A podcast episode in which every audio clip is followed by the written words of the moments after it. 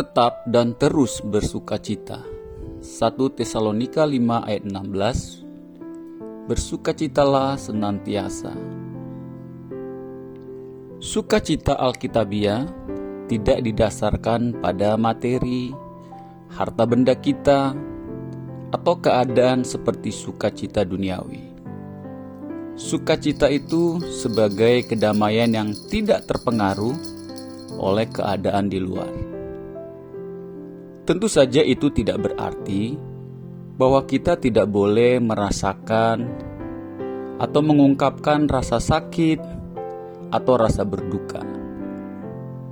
Karena kehidupan kita dibentuk dengan penderitaan dan seperti Raja Daud katakan, bahwa kita harus mengungkapkan kesedihan kita dan mencurahkan isi hati kita kepada Tuhan.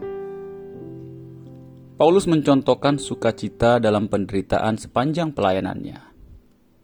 Meskipun dia dipukuli, terdampar, dipenjara, dan banyak lagi, dia masih bersukacita.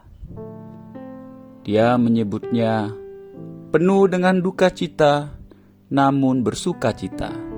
2 Korintus 6 ayat 10 dan di dalam 2 Korintus 7 ayat 4, Paulus mengatakan juga, Dalam segala penderitaan, aku dipenuhi dengan sukacita.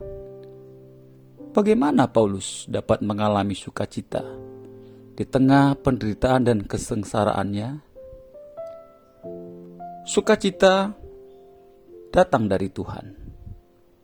Itu adalah kegembiraan hati yang terus-menerus dan yang datang dari mengenal, mengalami, dan mempercayai Yesus. Sukacita, dengan kata lain, adalah respons dan reaksi jiwa kita terhadap pengetahuan dan pengenalan dan hubungan kita dengan Tuhan Yesus Kristus. Hal inilah yang membuat kita masih dapat memilih untuk bersukacita di masa-masa sulit kita karena pengharapan kita di dalam Kristus. Kita tidak perlu membedakan sukacita versus kebahagiaan. Karena Alkitab tidak pernah membuat perbedaan untuk hal tersebut. Kedua, kata tersebut digunakan secara bergantian di dalam Alkitab, bersama-sama dengan kata-kata lain, seperti kegembiraan atau bergembira. Satu-satunya yang membuat perbedaan adalah dari mana sumber kebahagiaan kita?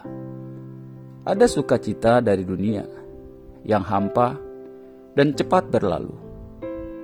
Pengkhotbah 2 ayat 1 sampai 2. Dan ada sukacita dari Allah yang mendatangkan kepuasan dan sifatnya kekal. Dalam Galatia 5 ayat 22, salah satu buah roh adalah sukacita. Sehingga sukacita merupakan hal yang sangat esensi sangat penting di dalam kehidupan kita. Kiranya Roh Kudus berbuah-buah sukacita di dalam kehidupan kita semua. Amin.